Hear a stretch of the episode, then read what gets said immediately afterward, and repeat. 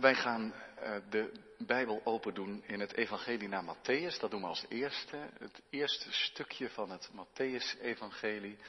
Dat is uh, meestal niet zo'n heel uh, aantrekkelijk gedeelte, want het is een namenlijst. Nou, we gaan een klein stukje lezen. En ik hoop straks duidelijk te maken dat er heel wat evangelie in die namenlijst zit. Een paar jaar geleden preekte ik over vers 1 tot 17, om die hele het hele geslachtsregister, zeg maar, de stamboom van Jezus, wat voor het voetlicht te halen. Maar nu focussen we ons op één naam, of eigenlijk twee, die daarin naar voren komen. Juda en Tamar. Nou, dat is een hele aparte geschiedenis, een wonderlijke geschiedenis. Een geschiedenis die je, als je de Bijbel leest, aan tafel uh, graag zou overslaan. En ik weet ook niet of er een kinderbijbel bestaat waar dat verhaal in staat. En als we het straks lezen uit Genesis 38, dan zult u wellicht wel begrijpen waarom.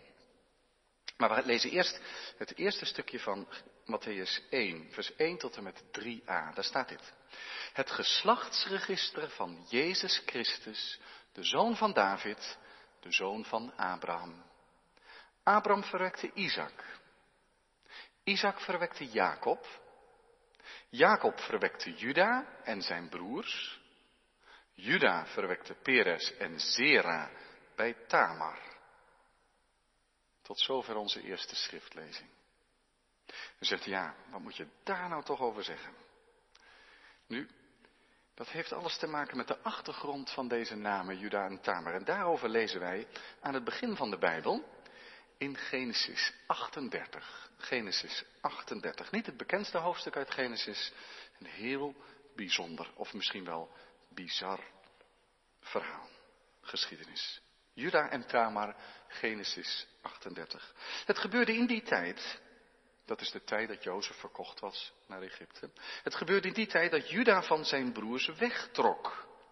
En zijn intrek nam bij een man uit Adullam en zijn naam was Hira. Juda zag daar de dochter van een Canaanitische man, zijn naam was Suar. Hij nam haar tot vrouw en kwam bij haar. Zij werd zwanger en baarde een zoon en hij gaf hem de naam Er. Daarna werd zij weer zwanger, baarde een zoon en gaf hem de naam Onan. En zij baarde opnieuw een zoon en gaf hem de naam Sela. Hij was echter in Gezip toen zij hem baarden. Juda nam een vrouw voor Er, zijn eerstgeborene, en haar naam was Tamar. Maar Er, de eerstgeborene van Juda, was slecht in de ogen van de Heere, daarom doodde de Heere hem. Toen zei Juda tegen Onan, kom bij de vrouw van je broer Vervul je zwagerplicht tegenover haar en verwek nageslacht voor je broer. Onan wist echter dat dit nageslacht niet voor hem zou zijn. Daarom gebeurde het telkens wanneer hij bij de vrouw van zijn broer kwam dat hij zijn zaad op de grond verspilde om zijn broer geen nageslacht te geven. Wat hij deed was echter slecht in de ogen van de Heer. Daarom doodde hij ook hem. Toen zei Juda tegen Tamar, zijn schoondochter, ga maar zo lang als weduwe in het huis van je vader wonen, totdat mijn zoon Sela groot is. Hij zei namelijk, anders zal hij ook sterven, net zoals zijn broers. Zo ging Tamar weg en ging in het huis van haar vader wonen. Toen veel dagen verlopen waren, stierf de dochter van Sua, de vrouw van Juda. Daarna vond Juda troost en ging hij naar zijn schaapscheres, naar Timna, hij en zijn vriend Hira uit Adullam. En hij vertelde Tamar, zie uw schoonvader gaat naar Timna om zijn schapen te scheren. Toen trok zij haar weduwekleed uit, bedekte zich met een sluier, omhulde zich en ging zitten bij de ingang van Enaim dat op de weg naar Timna ligt. Zij had namelijk gezien dat Sela groot geworden was en dat zij aan hem niet tot vrouw gegeven was. Toen Juda haar zag, hield hij haar voor een hoer omdat zij haar gezicht bedekt had. En hij ging naar haar toe langs de kant van de weg en zei, kom toch mee, ik wil bij u komen. En hij wist immers niet dat het zijn schoondochter was. En zij zei, wat zult u mij geven als u bij mij komt? En hij zei, ik zal u een geitenbokje van mijn kudde sturen. Zij zei, goed, als u een onderpand geeft, totdat u het bokje gestuurd heeft. Toen zei hij, wat is dan het onderpand dat ik u geven zal? Zij zei, uw zegelring, uw snoer en uw staf die u in uw hand hebt. En hij gaf ze haar en kwam bij haar en zei, het zwanger van hem. Daarna stond zij op, ging weg, legde haar sluier van zich af en trok haar weduwekleed weer aan. Juda stuurde het geitenbokje door bemiddeling van zijn vriend uit Adullam om het onderpand uit de hand van de vrouw terug te krijgen. Maar hij vond haar echter niet. Toen vroeg hij aan de mensen van haar woonplaats, waar is die hoer die bij Enaim langs de weg zat? Maar ze zeiden, er is hier geen hoer geweest. Daarop, hij keerde daarop terug naar Juda en zei, ik heb haar niet gevonden. En ook de mensen van die plaats zeiden, er is hier geen hoer geweest. En toen zei Juda, laat ze het onderpand zelf maar houden, anders zullen wij veracht worden. Zie, ik heb dit bokje willen sturen, maar u hebt haar niet gevonden. Het gebeurde ongeveer drie maanden later dat men Juda vertelde, Tamar, uw schoondochter, heeft hoererij bedreven. En zie, ze is ook zwanger door die hoererij. En toen zei Juda, breng haar de stad uit en laat haar verbrand worden. Terwijl zij de stad uitgebracht werd, stuurde ze een bode naar haar schoonvader om te zeggen, van de man van wie deze voorwerpen zijn, ben ik zwanger. Ze zei, kijk toch eens van wie deze zegelring, deze snoeren en deze staf zijn. En Juda herkende ze en zei, zij staat in haar recht, meer dan ik, omdat ik haar niet aan mijn zoon Sela gegeven heb. En hij had voortaan geen gemeenschap meer met haar. En het gebeurde tegen die tijd dat zij baren zou. En zie, er bleek een tweeling in haar schoot te zijn. En terwijl zij baarde, gebeurde het dat de een zijn hand naar buiten stak. De vroedvrouw pakte die, bond de scharlakenrode draad om zijn hand en zei, deze, deze komt er het eerst uit. Maar het gebeurde toen hij zijn hand weer naar binnen trok, dat zie zijn broer tevoorschijn kwam. Daarop zei ze, wat een bres heb jij voor jezelf geslagen. En men gaf hem de naam Peres. En daarna kwam zijn broer tevoorschijn, die de scharlakenrode draad om zijn hand had. En men gaf hem de naam Zera. Tot zover lezen wij Gods woord, want ook dit deze geschiedenis staat in het woord van God, Gods woord voor deze dienst. Zalig zijn zij die het woord van de Heere lezen, horen, geloven en eruit leven. Amen. Nu, de tekst voor de prediking is, ja, je zou kunnen zeggen Genesis 38, oftewel Matthäus 1, vers 3a, namelijk daar staat Juda verwekte Peres en Zera bij Tamar. En u heeft nu gehoord welke geschiedenis daarachter zit. Gemeente van onze Heer Jezus Christus. Tot hoe ver terug heeft u zicht op uw stamboom? Op uw afstamming, op uw afkomst? Veel mensen die houden daarvan, hè? die doen uh, veel, maar toch, er zijn er nogal wat die stamboomonderzoek doen. Ik uh, heb dat ook gedaan en ik kom tot opa en oma en misschien nog één generatie verder. Nee, ik heb dat dus niet gedaan. Maar dat is meestal als je er geen moeite aan geeft, dat is hoe ver je terugkomt. En natuurlijk als je wat navraag doet, kom je nog een paar generaties verder. Maar er zijn er die door de eeuwen heen het uitpluizen in bevolkingsregisters, omdat ze willen weten van wie ze afstammen. Dat is natuurlijk een hobby, maar veel belangrijker dan dat is het niet omdat onze afkomst er vandaag de dag veel minder toe doet dan vroeger. Als wij stamboomonderzoek doen en we stellen zo'n genealogie samen en er blijken wat duistere figuren een eeuw geleden in onze familie te hebben gezeten, dan, ja, je zult het niet op je cv zetten, hè, maar je zult er ook misschien niet zo wakker van liggen. Het gaat erom wie jij bent, wie wij zijn. En we worden niet aangekeken op uh, of we nou um, criminelen in ons voorgeslacht hebben zitten, maar je wordt er ook niet veel rijker van als blijkt dat er edelen in je stamboom zitten. In de tijd van de Heer Jezus lag dat anders. De stamboom was belangrijk, zeker na terugkeer van ballingschap. Dan ging het erom dat je maar moest kunnen aantonen dat je wel echt bij het volk van God hoorde. Leg je stamboom maar eens op tafel, die moest zuiver zijn. Zeker als je aanspraak erop maakte dat je bij het priestergeslacht hoorde en dat je kon dienen in de tempel zoals Zacharias van Elisabeth. Die heeft dat allemaal moeten duidelijk maken dat hij uit een goed geslacht kwam en dat er klinkende namen zaten in zijn stamboom.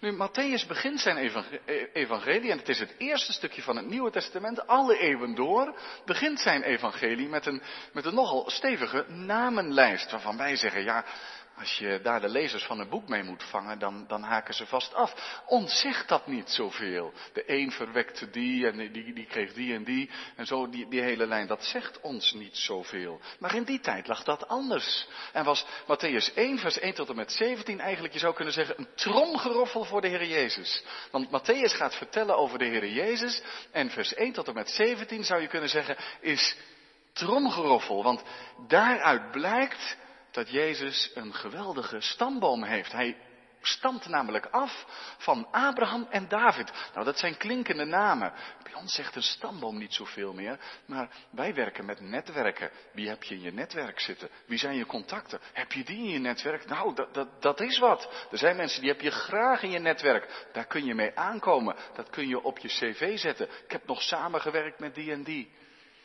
Ja, dan laat je misschien anderen met wie je wat minder goede ervaringen hebt, laat je weg. Daar wil je liever niet mee in verbinding staan, niet mee geassocieerd worden. Nu klinken de namen dus in de stamboom van de Heer Jezus, maar er, sta, zitten ook wat bijzonderheden in die stamboom, want ja, er staan vrouwen in. En ja, dat klinkt een beetje te gek haast dat ik dat zo zeg, maar in die tijd was dat nogal uitzonderlijk. Het is ook een lijn van, van mannen die, die de toon aangaven, om maar zo te zeggen, maar er staan vier en uiteindelijk zelfs vijf vrouwennamen in. En dan kun je zeggen, ja, de Bijbel niet zo'n vrouwvriendelijk boek. Je zou kunnen zeggen, juist in de tijd dat dat not done was, gebeurt dat hier wel. En zet Matthäus er vijf vrouwennamen in.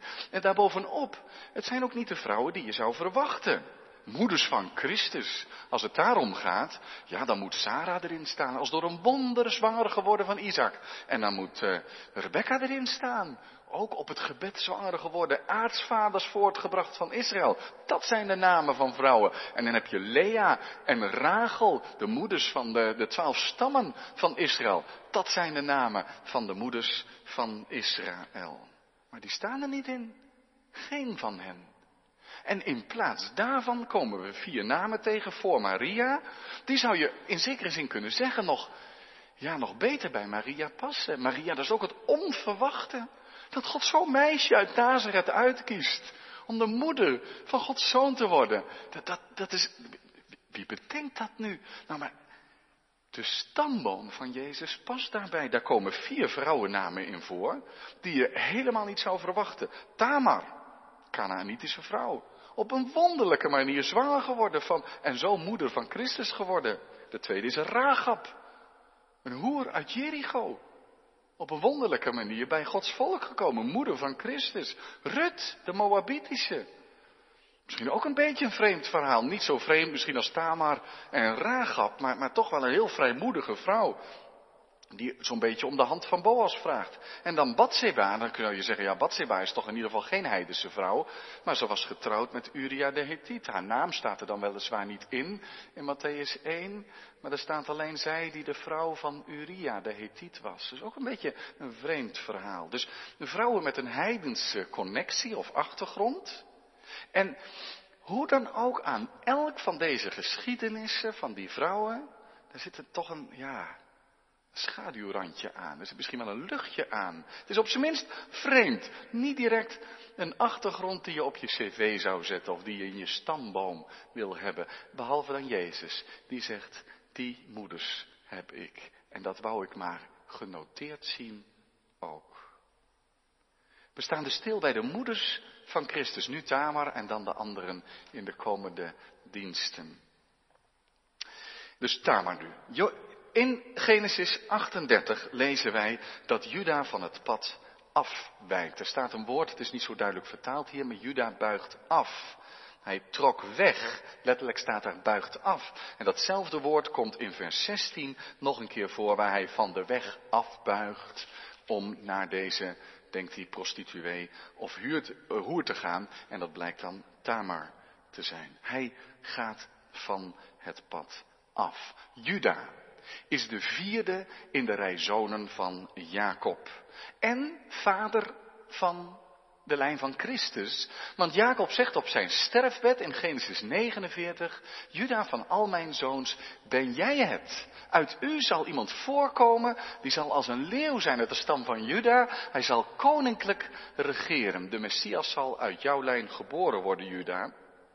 En daarom komt Juda ook voor in Matthäus 1.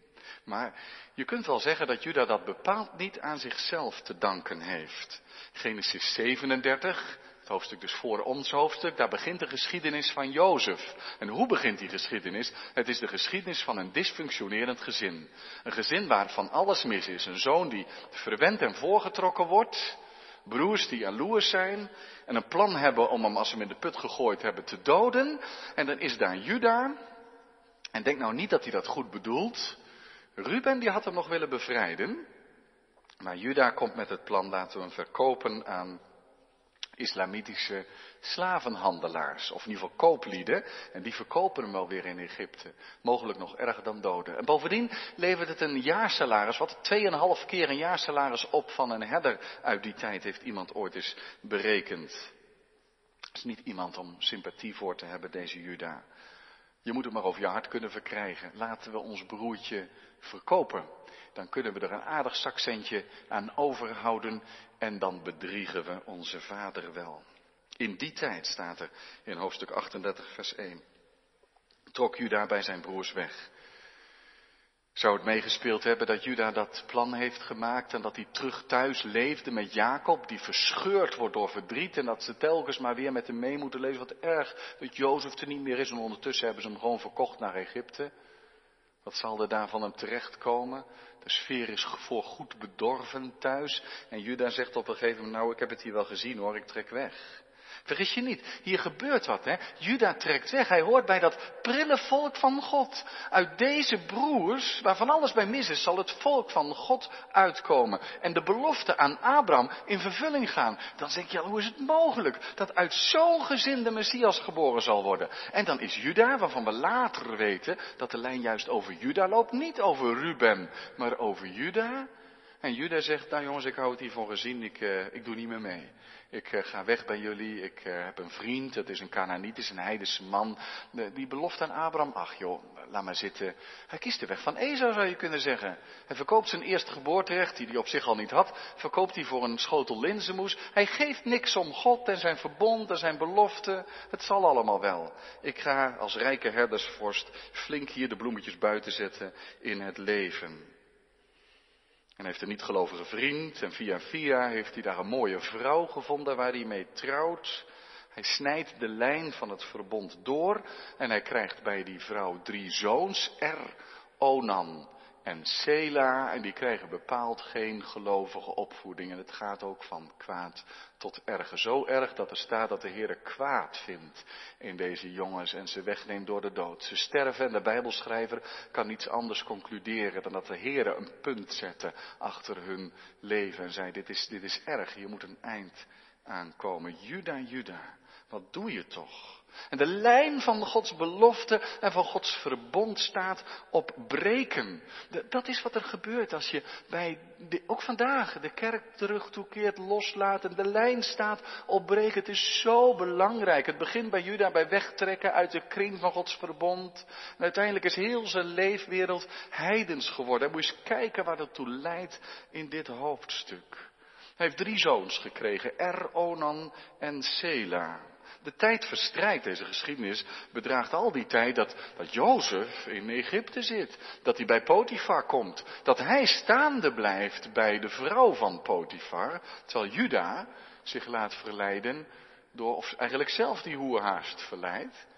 Ja, en, en Jozef komt in de gevangenis en wordt onderkoning. En al die tijd speelt dit zich af. Dat Juda zich afzijdig houdt van zijn broers. En deze geschiedenis, waarbij Tamar uiteindelijk zwanger wordt, is vlak voordat ze als broers naar Egypte reizen. Om in de hongersnood koren te gaan vragen. Bij de voorraadschuren van de onderkoning van Egypte. Dus de tijd verstrijkt.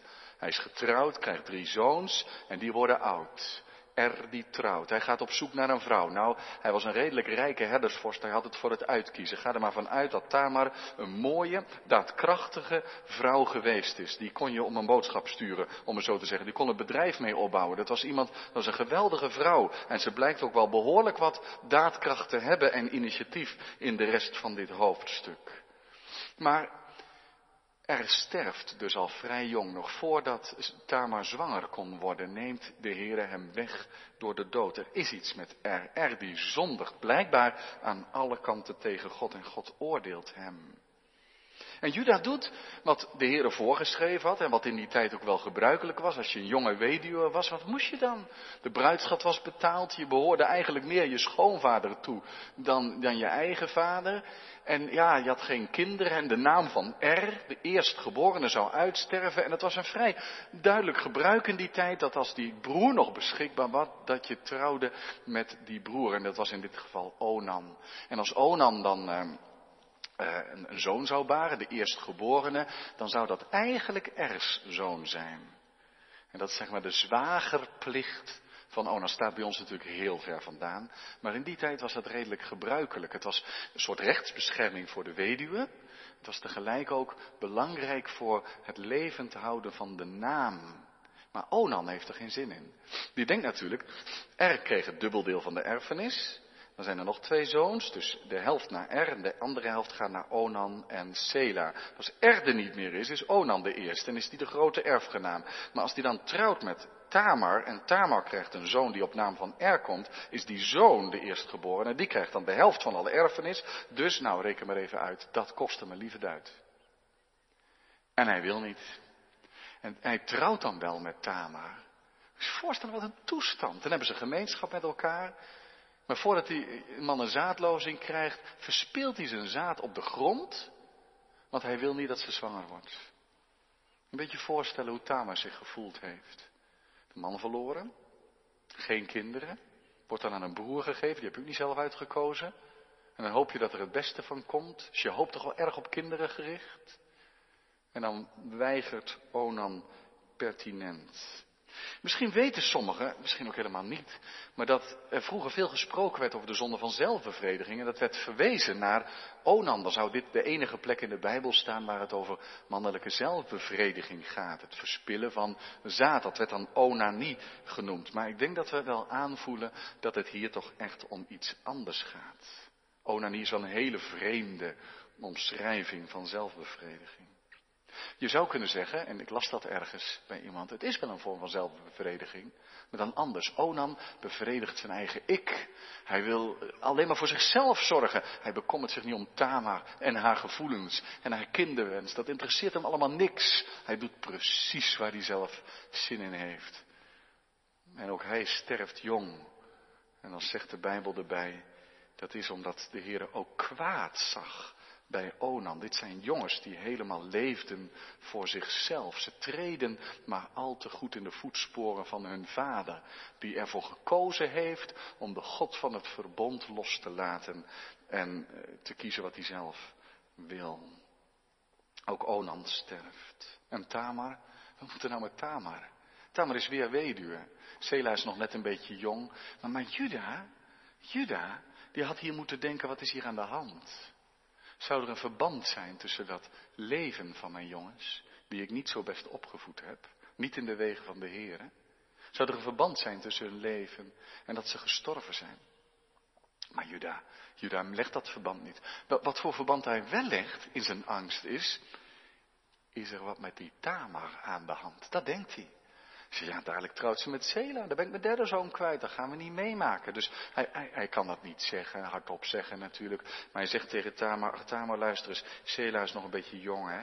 Weet je wat jij moet doen? Ga maar terug naar huis. Naar het huis van je vader. En leef daar maar gewoon als weduwe. Dan over een poosje zal ik Sela geven, zegt Juda. Dat gebeurt niet. En Tamar wacht. En wacht. En ze staat op doodspoor. Ze heeft het weduwekleed aan. Wie wil haar nog? Dat is echt een probleem in die tijd. En dan wacht ze op Sela en ze wacht en ze wacht en de maanden verstrijken en de jaren verstrijken. En Juda, ja, die maakt ook nog erge dingen mee, want zijn vrouw overlijdt. Een trieste geschiedenis eigenlijk. En dan gaat hij feest vieren bij het schaap, schaapscheerdersfeest. Groot feest. Hij, hij, wil zich graag vertroosten. Het is na al het verdriet ook wel eens tijd om eens een keer flink feest te vieren. En wat moet Tamar dan? Dan zegt u het, nou, wat moet Tamar dan? Wat ze doet? Ik kan moeilijk zeggen dat het goed is. En tegelijk denk ik, kunt het kwalijk nemen.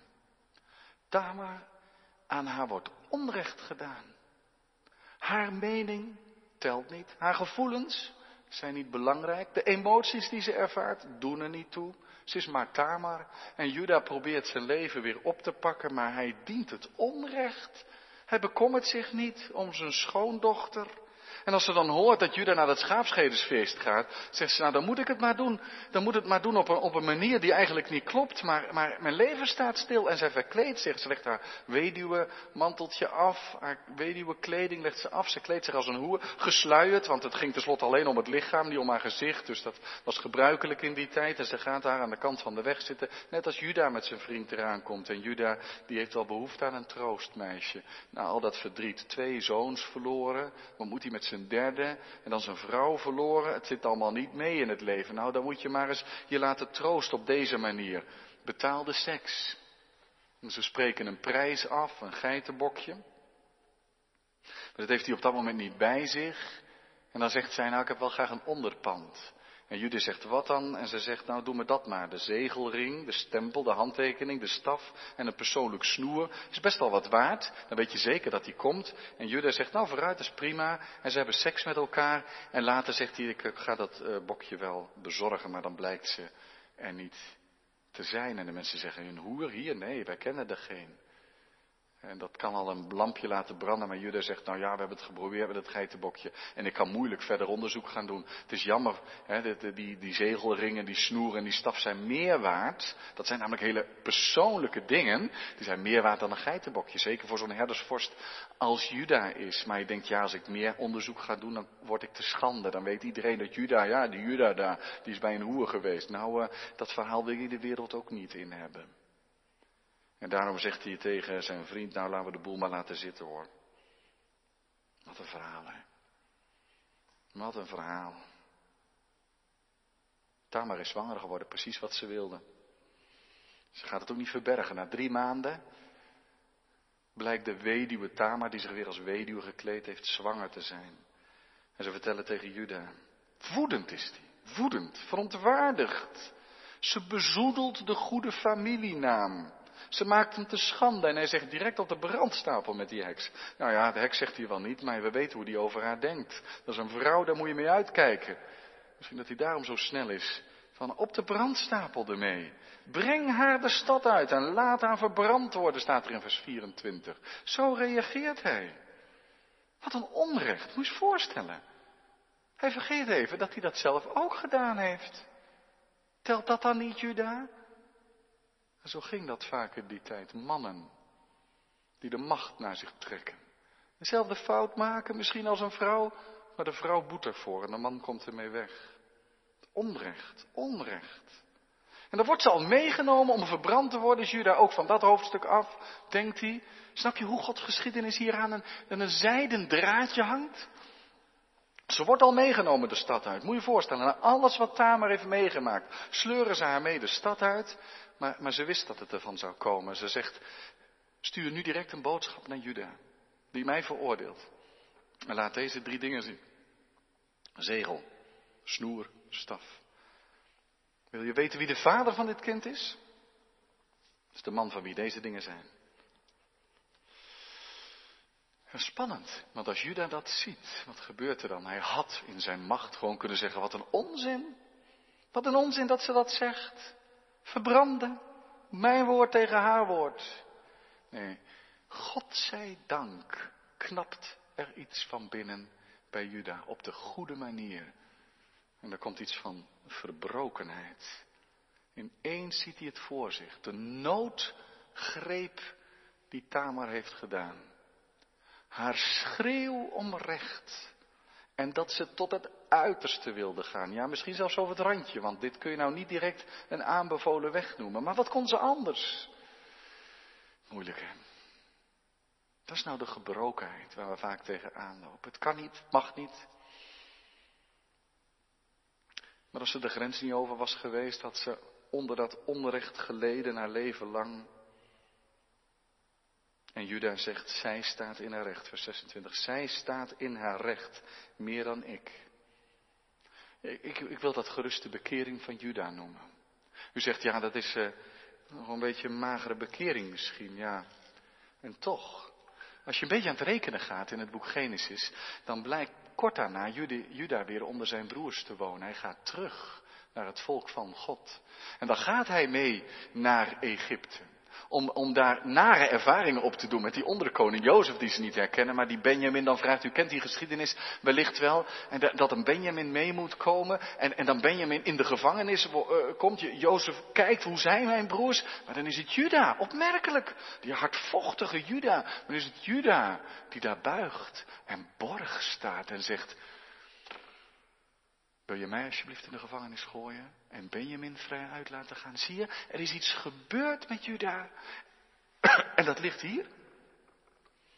Als Tamar hem confronteert met zijn hypocrisie, met zijn schijnheiligheid, dan buigt en breekt Jacob en keert hij terug naar de wegen van God.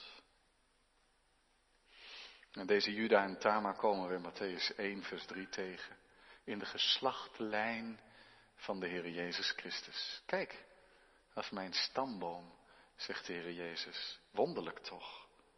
Matthäus 1, vers 3 zegt over Tamar niet, Juda was een geweldige vader en Tamar had het verknald. Wat een genade dat zij erin staat. Nou, als je Juda vraagt, zegt hij, het is eerder andersom. Ik heb het verknald. Ik heb het verzondigd. En Tamar stond met alles wat ze gedaan heeft nog in haar recht. En dan krijgt Tamar een tweeling. En het gaat op een wonderlijke manier nog een beetje hetzelfde als bij Jacob en Esau. Dat de eerste de laatste is en de laatste de eerste. Want eerst trekt Sera zijn handje uit, die wordt gemarkeerd als de eerstgeborene, want dat was belangrijk, eerstgeboorterecht, het grootste deel van de erfenis. Maar die trekt zijn handje terug en Peres wordt geboren en Peres betekent zoveel als bres. Wat heb je een bres geslagen en Zera betekent soms op, opgang. Oh, wat een hoop opeens in het leven van Tamar. Gods wonderlijke wegen. De Heer werkt zo vaak dwars door onmogelijkheden heen. Maar ook dwars door menselijke falen en schuld en zonde heen. Zeg nou zelf, het is net een soap. Genesis 38. Had een, als je, dat, dat, je zou er zo een tv-serie van kunnen maken. En dan zou je waarschijnlijk tegen je kinderen zeggen, die mag je niet zien. En als je op volgorde uit de Bijbel aan tafel leest, zeg je nou, met de gezin zullen we Genesis 38 toch misschien maar even overslaan. Wat wat een ellende in dit hoofdstuk. Juda die afwijkt, het gaat van kwaad tot erger, zoons die verschrikkelijke dingen doen, mensen die gekrenkt worden, onrecht, het stapelt zich op. En wat een toestand om dan toch nog aan je recht te komen. In een wereld van gebrokenheid, waar het gewoon soms niet lukt om je recht te krijgen. Omdat de mensen van wie je afhankelijk bent, het recht naar hun hand zetten. En deze vrouw Tamar is een van de moeders van Christus. Zien we het nu een beetje voor ons? Eh, wil je weten, zegt Jezus, wie mijn moeder is? Dan kan hij Maria noemen, maar hij zegt een poosje terug, Tamar.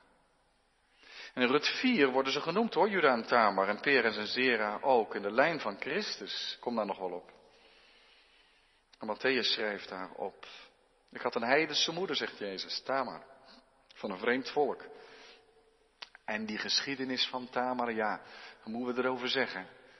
Er zit van alles in wat niet deugt. Verleiden, moet je zo met je schoonvader gemeenschap hebben om toch kinderen te krijgen? Hoe zit dat precies? Maar Jezus keerde zich niet af van Tamar.